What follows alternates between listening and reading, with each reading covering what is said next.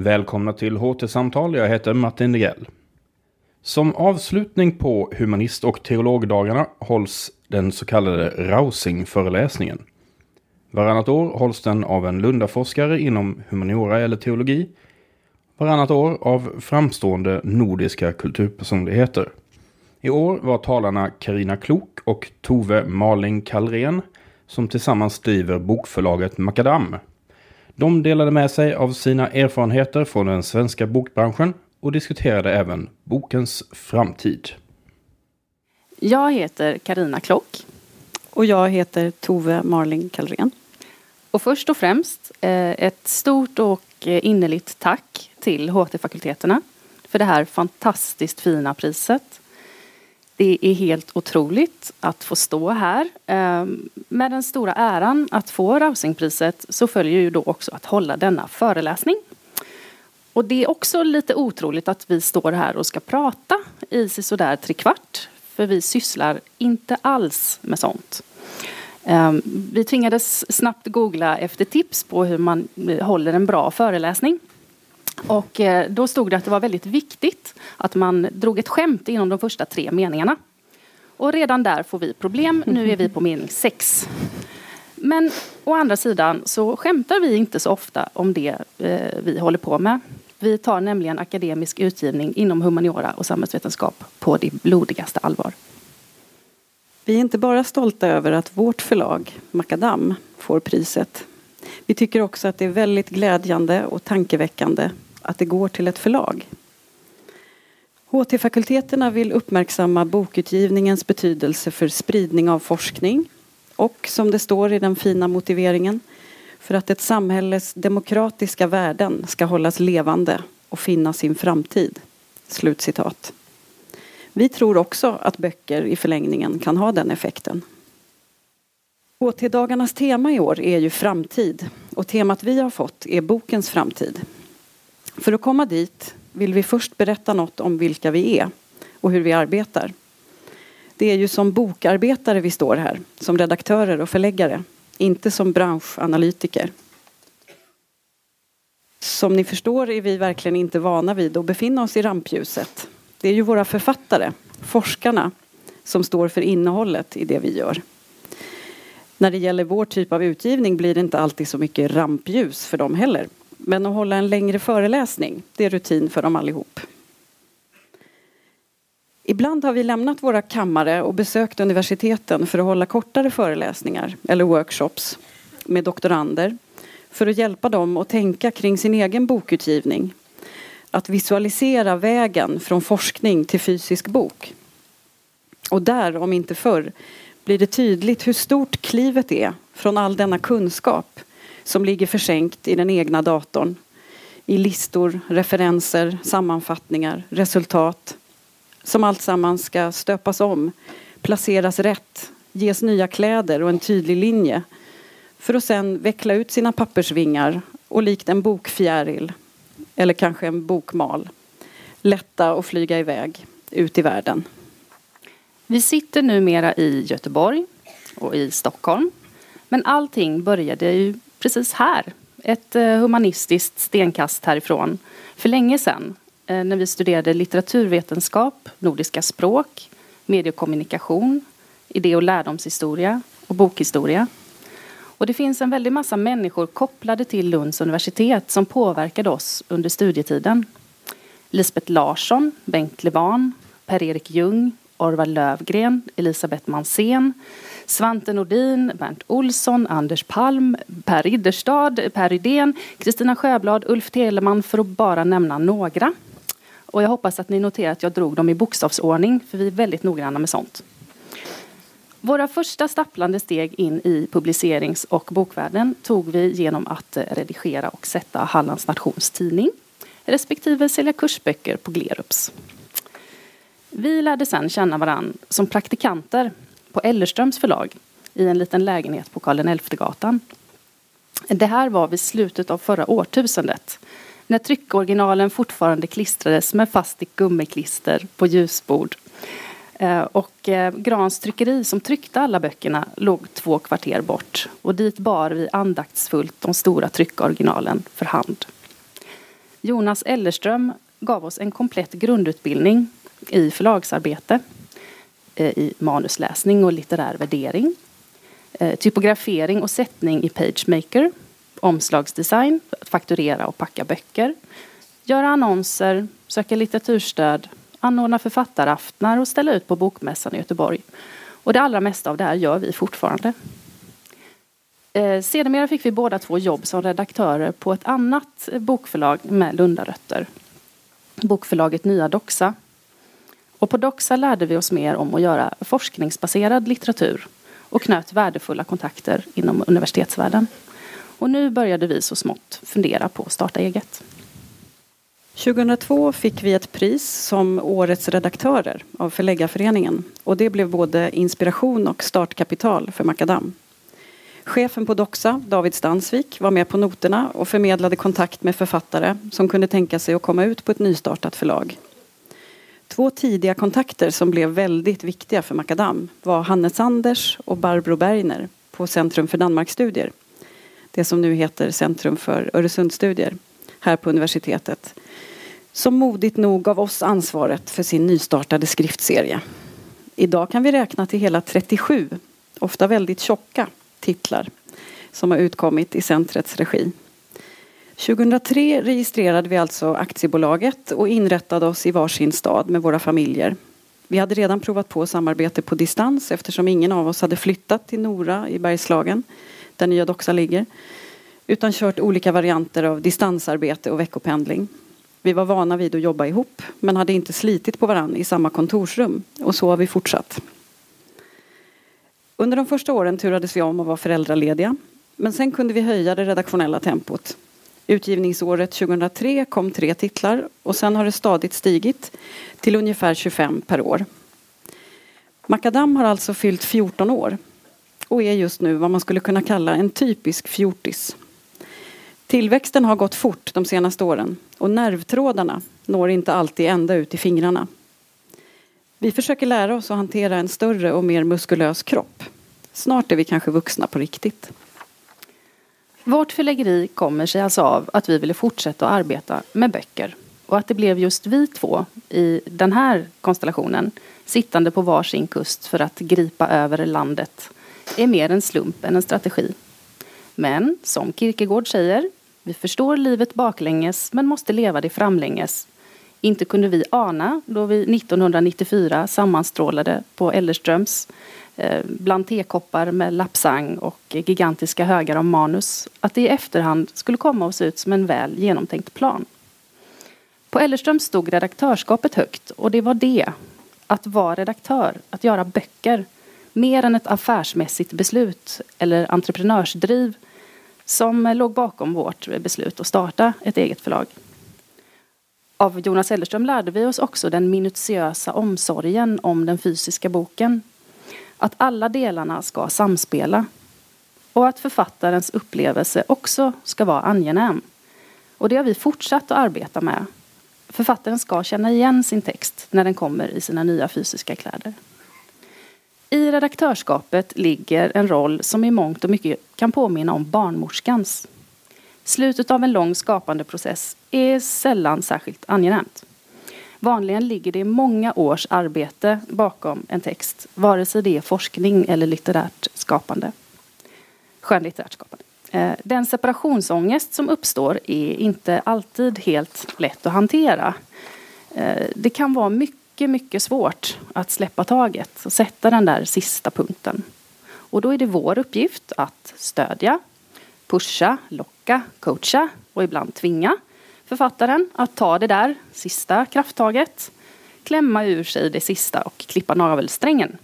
Att låta oss tvätta blodet av textbebisen, klä den i rena välsittande kläder och skicka ut den i världen. Att hjälpa en bok att födas kräver engagemang och det har vi hört om och om igen från kollegor också på stora förlag. Allting handlar om att det finns människor i bokutgivningen som går igång om det skulle gå att definiera en egenskap som är riktigt viktig för att få ett arbete som vårt att fungera så skulle det nog vara just det. En omättlig nyfikenhet. En stark förmåga att gå igång på dittills okända ämnen. Att tycka att många olika saker är intressanta och roliga. Och det är ju då en extra lyx att få lov att själv bestämma vad som ska hamna på förlagets utgivningslista. Vi ger bara ut sånt som en av oss, eller oftast båda, har gått igång på. Vad är ett förlag? Det händer faktiskt att vi får den frågan, till exempel när vi står i vår monter på Bokmässan i Göteborg. Vad gör ni egentligen? undrar folk. Skriver ni böckerna? Trycker ni dem? Nej, säger vi, det är vi som är mitt emellan. Och som litet förlag jobbar vi med alla moment själva. Tiokampare kan man kalla det. Ett annat sätt att uttrycka det är att vi är bra på många saker men inte experter på något. Vi visste som sagt alltid att vi ville göra böcker, jobba på förlag. Att det blev småförlag eller oberoende mindre förlag var från början en kombination av slump och geografi. Men i den Kierkegaardska tillbakablicken framstår även det som en självklarhet när vi står här idag. Och nu är det risk för att den hypotetiska språkgranskaren av det här manuset sätter brandtal? frågetecken i marginalen. Småförlagen är helt enkelt bokbranschens ryggrad, verkstadsgolv och idéspruta. Genom vårt eget arbete med olika mindre förlag och vårt mångåriga engagemang i den alternativa förläggarföreningen, Nordiska oberoende förlagsförening, vet vi hur hårt tiokamparna på de mindre förlagen jobbar och hur de brinner. Marginalanteckning kliché! Utropstecken. Men klichén är befogad i det här fallet. Hur de brinner för sina udda böcker. Och böckerna är långlivade. På stora förlag kan omsättningshastigheten från första upplaga till pocket, slutrea och sedan papperstuggen. Den cykel som länge sågs som åtminstone treårig snart räknas i veckor. Småförlagens böcker lagerhålls ofta i åratal, finns tillgängliga för sina specialintresserade läsare och utgör nätbokhandelns långa svans. Att säga att småförlagen är bokens framtid, det vore en grov förenkling. De har till exempel inte resurser till massiv marknadsföring av sina författare för att nå ut i bruset. Eller till de breda nya tekniksatsningar som måste göras nu. De kan inte plocka fram en stor backlist full av gamla klassiker och sälja som e-böcker eller print on demand. Eller skapa stora webbportaler för nya läsarkategorier. Men de små förlagen tar ett oerhört stort ansvar för utgivningen av en massa viktiga böcker som de stora förlagen varken vill, vågar eller kan ta sig an. Så, vad är en akademisk bok? Ett bra exempel på tredje uppgiften skulle man kunna säga. Som ni kanske vet så sysslar universitetet med tre uppgifter. Forskning, undervisning och förmedling av vetenskap till oss andra. Den tredje uppgiften som infördes i högskolelagen på 1970-talet och ibland kallas för samverkan med samhället kan förstås utföras på många olika sätt. De föreläsningar som ni har lyssnat på här under HT-dagarna är uppenbara och strålande exempel. När forskare bidrar med sin sakkunskap i tv-produktioner som Historieätarna eller kommenterar aktuella händelser som experter är det också tredje uppgiften. Likaså när Macadams böcker visas upp på Bokmässan i Göteborg, recenseras i dagspress eller går att köpa genom bokhandeln. För våra böcker är inte förenklade versioner av, av eh, forskningen. De är forskningen. Fotnötterna är kvar, teoriavsnitten likaså. Däremot så har vi gått igenom texten med andra ögon än handledarens och seminariekollegornas. Vi har bett författaren förklara de mest kryptiska facktermerna och presentera de forskare som åberopas i texten med någonting mer än ett efternamn åtföljt av ett årtal i parentes. Vi har försökt ge lite kött åt boktiteln och baksidestexten och vi jobbar med att skapa eh, vad vi brukar kalla en hoppa till-faktor. Vi har tänkt igenom eh, bokformgivningen och utförandet och det är inte för att väcka några falska förhoppningar hos bokköparna men för att ge boken en chans att faktiskt synas i den så kallade bokfloden. Ett sätt att betrakta oss är som den utomstående, inte insatta men innerligt intresserade läsaren. Vi ställer de frågor till texten som en mer införstådd person kanske inte skulle ställa. Och då kan vi be forskaren att tänka förbi sina kollegor och rikta sig utåt snarare än inåt i den akademiska spiralen där man gärna skriver för dem som är kunnigare än vad man själv är. Som försvarare av tredje uppgiften måste vi våga ställa de dumma frågorna och försäkra oss om att det dunkelt sagda inte också är dunkelt tänkt. Så böckerna finns alltså. Men de flesta av dem säljs förstås ändå i ganska få exemplar. Vi är ju ett litet språkområde som det brukar heta. Och det finns alltid folk som är intresserade av den humanistiska och samhällsvetenskapliga forskning som vi ger ut. Men nästan aldrig tillräckligt många för att de facto finansiera redigering, formgivning, korrektur, tryckdistribution och lagerhållning av en bok. Så forskarna söker olika typer av anslag och tryckbidrag för böckerna och har med sig de pengarna till oss. Oj. Där fick jag andas. Jag ska inte röra de knapparna. ja, tryckbidragen alltså. Och så fungerar det faktiskt eh, hos alla förlag i Sverige som ger ut akademisk litteratur. Även om arbetssättet ser olika ut hos olika förlag, alltså vad författaren får för pengarna. Och det faktum att boken får bidrag inom det akademiska systemet, ofta från stiftelser som är specialiserade på en viss vetenskap, ser vi som en kvalitetssäkring i sig. Det blir ett sätt att kunna garantera en god nivå på utgivningen utöver att ha råd att ge boken de kläder som den faktiskt förtjänar. Sen händer det ju att böcker rasslar till och faktiskt säljer. Till exempel när de börjar användas som kurslitteratur någonstans och det är givetvis extra roligt. En annan sak som gör att de här tryckbidragen behövs är det stora antal friexemplar som forskaren får. När det gäller avhandlingar är det flera hundra friexemplar som levereras. Visserligen handlar det då till stor del om olika typer av pliktexemplar till bibliotek och liknande. Men det finns en klar risk för att ett antal av de där potentiella bokköparna som var så intresserade av just det här ämnet befinner sig i närheten av författaren och får boken gratis. Detta är självklart för oss. Boken ska inte bara finnas i bokhandeln och på kulturredaktionerna utan också som en tillgång för författaren. Att användas som en sorts visitkort. Forskare pratar faktiskt just om visitkortsböcker för olika sammanhang där de vill visa vad de har gjort. Och där har vi en viktig egenskap hos den fysiska akademiska boken. Att lägga ett trådbundet färgillustrerat ting som luktar trycksvärta i postfacket hos kollegorna. Ett ting som ibland är så vackert designat att det till och med fått utmärkelsen Svensk bokkonst. Det är en alldeles särskild sorts impact. Det finns ett antal svenska mindre förlag som liksom vi är inriktade på en akademisk utgivning. Nordic Academic Press, Gidlunds, Daidalos, Carlssons, Håströms, Universus, Symposion. Även Ellerströms förlag är numera framstående utgivare av forskning, främst inom litteraturvetenskap. Och vi är alltså konkurrenter med vår första chef, vilket är uppfriskande. Det händer förstås att också större förlag publicerar rent akademiska böcker. Framförallt om författaren är professor och ämnet är publiktillvänt. Men önskemål från vetenskapssamhället som alla de där pliktexen och friexen eller parallellpublicering open access Alltså att en pdf-version av boken läggs ut för fri nedladdning samtidigt som pappersboken finns att köpa i bokhandeln. Sådana finesser är de stora förlagens försäljningsavdelningar helt oförstående inför. Ofta vill de att forskaren ska popularisera, flytta teoriavsnittet till en undanskymd plats, skära i referenserna.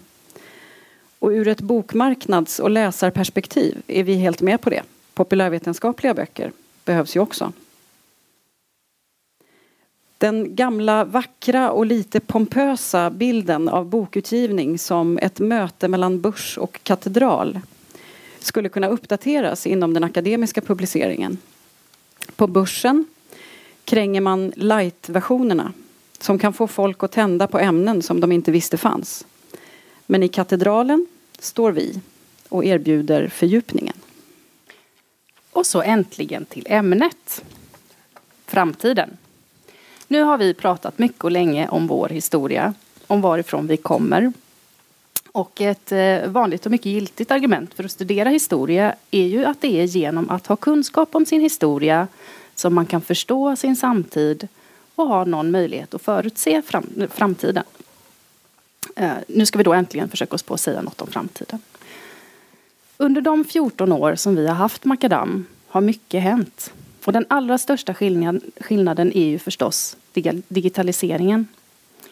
Eh, vi kommer ju som ni har förstått från en tid då skärmarna var pyttesmå och ljusborden jättestora och både manus och korrektur skickades som skrymmande brev. Nu sker i stort sett allt arbete i datorn. Och böckerna bor på sätt och vis kvar i datorn, också efter förlossningen. Måttet av stegrande digitalisering ser vi egentligen först när vi tittar bakåt. Men då blir det tydligt att utvecklingen är väldigt snabb och samtidigt mycket långsammare än många har trott. På den plats i tiden där vi befinner oss måste vi ha ögonen öppna för förändringar men också klara av att ha flera saker i huvudet samtidigt. Vi rör oss längs olika linjer där boken, frågan om bokens framtid till att börja med kräver att man definierar vad som man egentligen menar med en bok. Vi kan prata om den allra första boken, den som är förutsättningen för barns läsande. Vi kan prata om boken som pappersprodukt, det där lockande fysiska tinget som vi kan plocka upp och bläddra i och klappa på. Vi kan prata om boken som bärare av kunskap och försvarare av äkta fakta. Den där man måste stå för det man säger, redovisa sina källor och inte kan ändra sig hur som helst. Vi kan också prata om boken som en fil på nätet. Lättfunnen, snabbt spridd och enkelt sökbar. Vågar vi då säga något om bokens framtid? Alla dessa typer av böcker har, efter vad vi kan se, tveklöst en framtid. Och vi tror att den kan vara ljus för dem alla, även om, den, även om de bitvis ser ut att stå emot varann. Vi tror tvärtom att förutsättningen för boken är bättre ju fler kanaler den finns i. Det finns många goda skäl att ha just den akademiska texten i digital form. Forskaren slipper vänta i veckor först på att bibliotekarierna ska leta upp ett obsolet verk ur de djupa källarvalven. Sen att postbefordran från de stora forskningsbiblioteken ut till filialer, institutionsbibliotek eller rent av folkbibliotek ska gå lätt och smärtfritt. Och då gäller det förstås att ingen annan redan har lånat boken och vägrar lämna tillbaka den.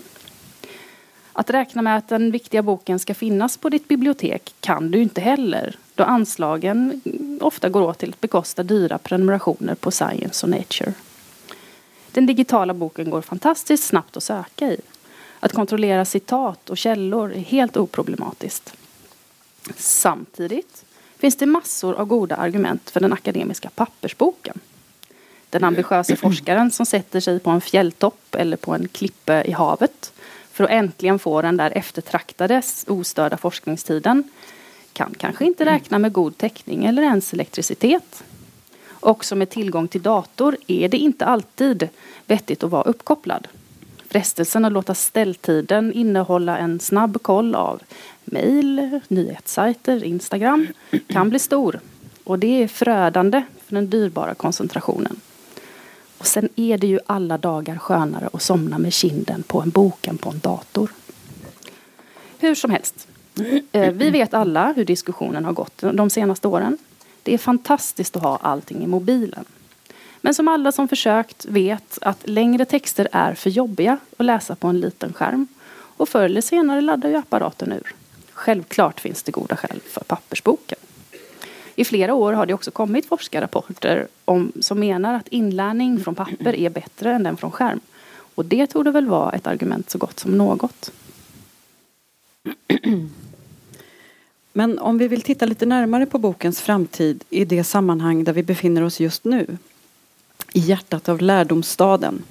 Inne i humanisternas högkvarter. Då vill vi gärna försöka koka ner det hela till två enkla sanningar. Den första lyder Humanisterna behöver boken. Vad betyder det?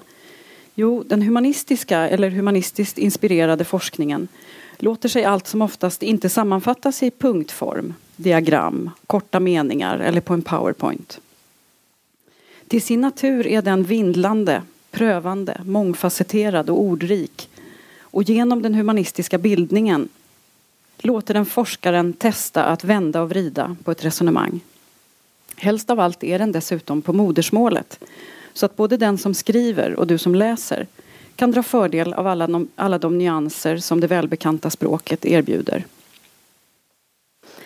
Då vill vi som den tredje uppgiftens försvarare också att det ska vara en fysisk tilltalande bok som möter läsaren. Som ni säkert förstått vid det här laget är vi starkt övertygade om att boken som objekt betyder något. Genom den fysiska utformningen kan vi skapa en stämning, en situation som hjälper läsaren att ta till sig texten. I bästa fall kan vi som bokmakare i maskopi med forskaren lura läsarna att ta till sig humanistisk forskning utan att de tänker på att det är forskning de läser. Ett paradexempel på detta är Vid tidens ände från 2014 nominerad till Augustpriset det året och skriven av Håkan Håkansson som jobbar på handskriftsavdelningen på UB här intill. Den är ett idéhistoriskt nedslag i den yttersta av tider. En av de många gånger då vi befunnit oss vid tidens ände, nämligen vid 1600-talets början. Boken är sprängfylld av fakta och lärdom. Den har notsiffror i slutet av varje stycke och är 568 sidor tjock. Men så livfullt och väl berättad att man slukar den som en spänningsroman. Humanisterna behöver också boken som det där visitkortet vi pratade om tidigare. Bara häromdagen, och det hände ganska ofta, fick vi en fråga från en av våra doktorer vars friexemplar hade tagit slut om vi kunde skicka hennes avhandling i några exemplar till ett annat lärosäte. Då var hon igång med att söka tjänst. För om du vill ge en potentiell samarbetspartner, kollega, arbetsgivare ett bestående intryck av dig som forskare kan det kännas bra att inte bara mejla över en pdf-fil som snabbt försvinner neråt i den digitala inkorgen. Istället sätter du det där vackert formgivna trådbundna tinget i händerna på dem. Och det ligger sen på professorns, bidragsgivarens, arbetsgivarens skrivbord och påminner om din existens. Därför är vi övertygade om att humanisterna behöver boken. Den gör deras forskning tydlig och närvarande i världen. Den andra sanningen lyder som följer. Boken behöver humanisterna. Humaniora handlar om mänsklighetens viktigaste texter. Och teologernas förhållande till boken med stort B behöver vi ju inte ens gå in på här. Humanisterna är de som till alla delar ser till att värna språket.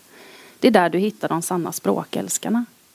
Och eftersom det är människan som kulturell varelse som ska studeras så är det oundvikligen så att språket är den viktigaste grunden.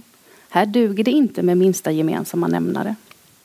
Ta bort språkvård, fantasi, strukturering och sätt in marknadskrafter och teknokrater. Vad blir det för text då? Därför vet vi också att datorerna inte klarar av att ersätta människors känsla för nyanser när det handlar om språkbehandling. Ett tränat språköga är mycket svårt att klå. Och eh, för de som tvivlar så kan jag rekommendera en stunds lek med Google Translate. Oavsett disciplin är det alltså viktigt att det blir ett språk som går att läsa. Och här ligger en stor del av det arbete som vi utför. Humanisterna i det här fallet är alltså både våra författare och vi själva. Och vid det här laget så kan vi genom vår erfarenhet säga utan att darra på manschetten att alla texter mår bra av ett möte med en förlagshumanist. Därför är vi också fullständigt övertygade om att oavsett vart eh, informationsflödena flyttar så kommer en korrekturläsare snedstreck redaktör alltid att behövas. Den digitala texten har redan nackdelar gentemot den tryckta. Och då ska inte korrekturfel, upprepningar och strukturproblem lägga ännu fler hinder i vägen, tycker vi. Humanisterna har också en tradition att publicera sig i bokform snarare än i artikelform. När det finns behov av att i ord breda ut sig för att arbeta igenom många angreppsvinklar på en frågeställning, då är boken ett utmärkt medium. Och vi kan lugna alla oroliga med att de antologier och avhandlingar som vi publicerar knappast krympt i omfång under vår verksamma tid. En historisk monografi kan lätt klippa sig sådär en 400 sidor. Humanisterna håller alltså traditionen med den långa texten levande. Och när alla de andra akademikerna överger boken för andra publiceringsvarianter, då stannar humanisterna kvar. Också därför behöver boken humanisterna. De är dess trognaste supportrar. Om vi nu slagit fast att böcker och humanister behöver varann kan vi kanske våga oss på att höja blicken och ta in hela mänskligheten. Vem behöver då böcker? På samma sätt som människor alltid levt i oroliga tider gör vi det förstås nu också. Och den som tvivlar på det kan med fördel dyka ner i den tidigare nämnda 1600-talstrillen av Håkan Håkansson. Det räcker med att se sig omkring. Eller ännu värre, betrakta en skärm i sin närhet. Så blir man varse att vi lever i tider av faktaresistens, alternativa fakta, subjektiva sanningar och feltolkad eller illvilligt använd statistik. Vad som skulle kunna betraktas som något slags sanning blir allt svårare att gallra ut ur en ständigt bredare och allt mer virvlande flod av information. Då blir det akut tydligt att vi behöver källkritik och vederhäftig vetenskap som varken helgonförklarar Barack Obama eller ger Donald Trump utrymme för att slå den döda katten i bordet. Den där katten som är till för att avleda folks uppmärksamhet från negativa nyheter. Då plockar man fram forskningen, försedd med fotnoter och kontrollerad av peer-granskare Och allra helst sån forskning som sitter fast på en tryckt sida. Det verkar faktiskt som om vår stenåldershjärna uppskattar information som inte flimrar förbi på en skärm. Forskare i Norge visade för några år sedan att vi har lättare att komma ihåg handlingen i en pappersbok än i en e-bok. Det är betydligt svårare att minnas kronologin i digitalformatet eftersom det är själva det fysiska bläddrandet som gör att man känner att berättelsen förs framåt. På samma sätt kan boksidans egen arkitektur skapa krokar i facklitterär text som man hänger upp kunskaperna på. Hmm, det där årtalet som stod högst upp på en högersida. Återigen kommer vi tillbaka till den fysiska boken. Det är tyngden i handen som räknas. Kanske är det samma fenomen som ligger bakom att papperskalendrar säljs mer än någonsin. När vi vänder kalenderblad rör vi oss fysiskt i tiden på ett annat sätt än när vi scrollar. Att decemberbladet är det sista på väggkalendern gör att vi känner hur året är slut. Vi kan också jämföra med hur de gamla vinylskivorna har blivit attraktiva på nytt. De musiker som vill berätta en historia med sin musik, som vill förmedla en kronologi, har enklare att få med sig lyssnaren genom vinylens spår. Där följer vi hellre nålens väg än klickar oss fram och tillbaka i ljudberättelsen. Och som alla lyssnare av ljudböcker vet kan kronologin upplösas ytterligare om man somnar med sin ljudbok i öronen och slumrar sig igenom många kapitel. Då blir den digitala boken närmast ett dadaistiskt konstverk av fragment och uppbruten form. Pappersboken har alltså en fysisk närvaro som är svårslagen. Det som står där kan inte lätt tas tillbaka. Därför är vi också fortfarande nervösa varje gång en nytryckt bok dimper ner på förlaget.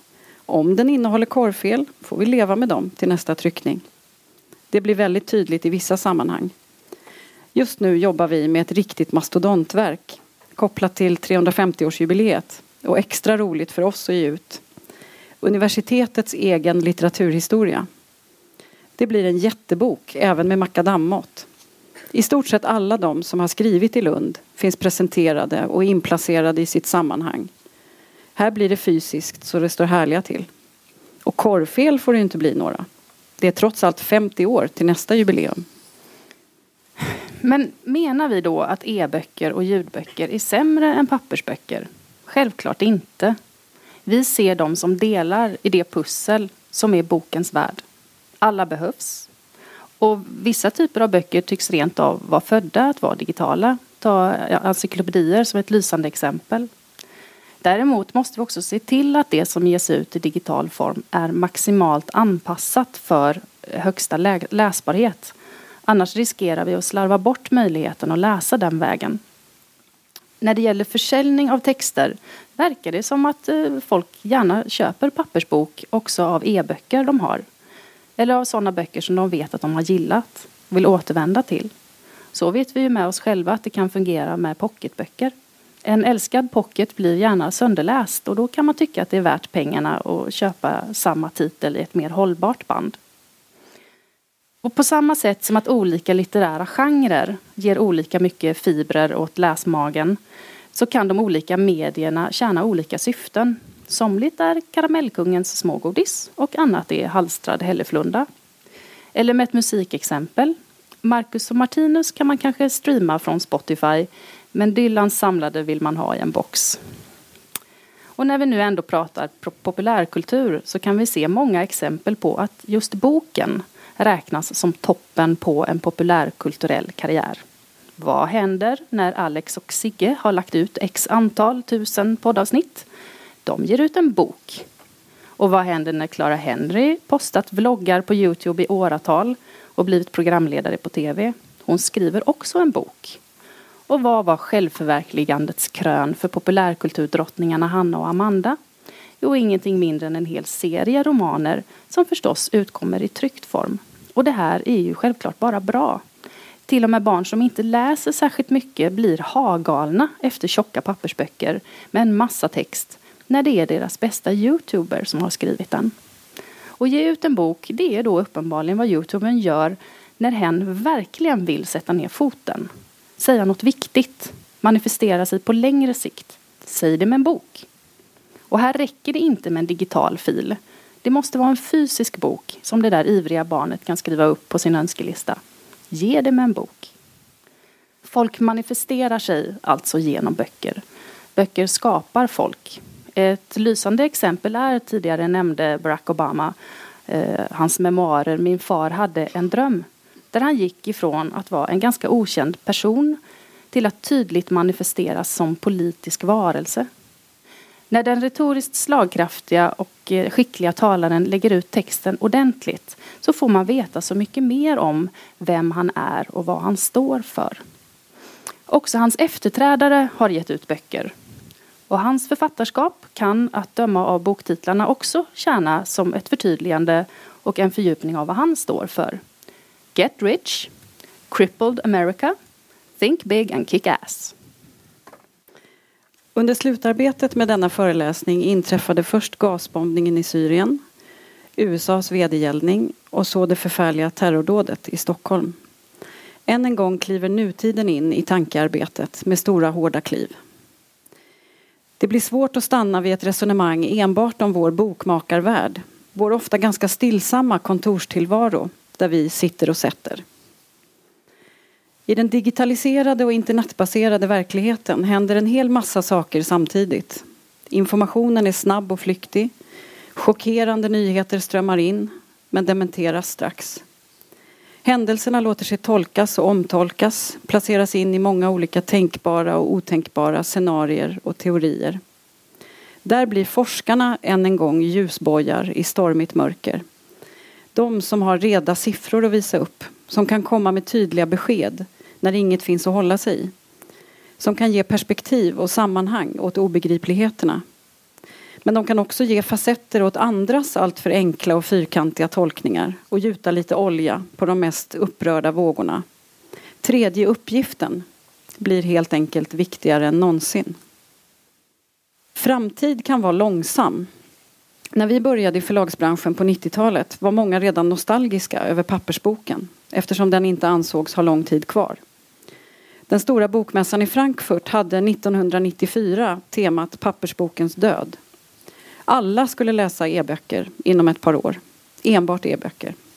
Det blev ju inte riktigt så.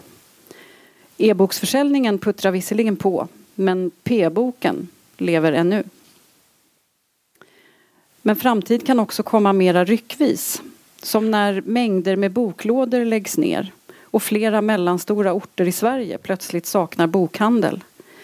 Eller ett litet ljudboksförlag plötsligt kliver fram och köper ett av landets största och äldsta förlagshus. Hans Rosling menade att det är viktigt att kunna hålla flera saker i huvudet samtidigt.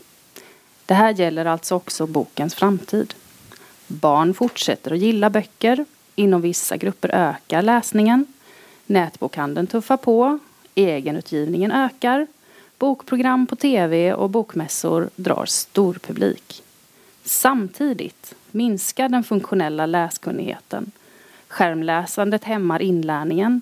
Akademikerna tvingas publicera sig främst på andra språk än sina egna för att få finansiering. Och faktaresistensen och bildningsföraktet ser på vissa vis ut att breda ut sig. Så vi har alltså flera parallella framtider som rör sig i olika riktningar, i olika hastighet och med olika resultat. Visst har boken en framtid, men vilken den blir, det står skrivet i stjärnorna.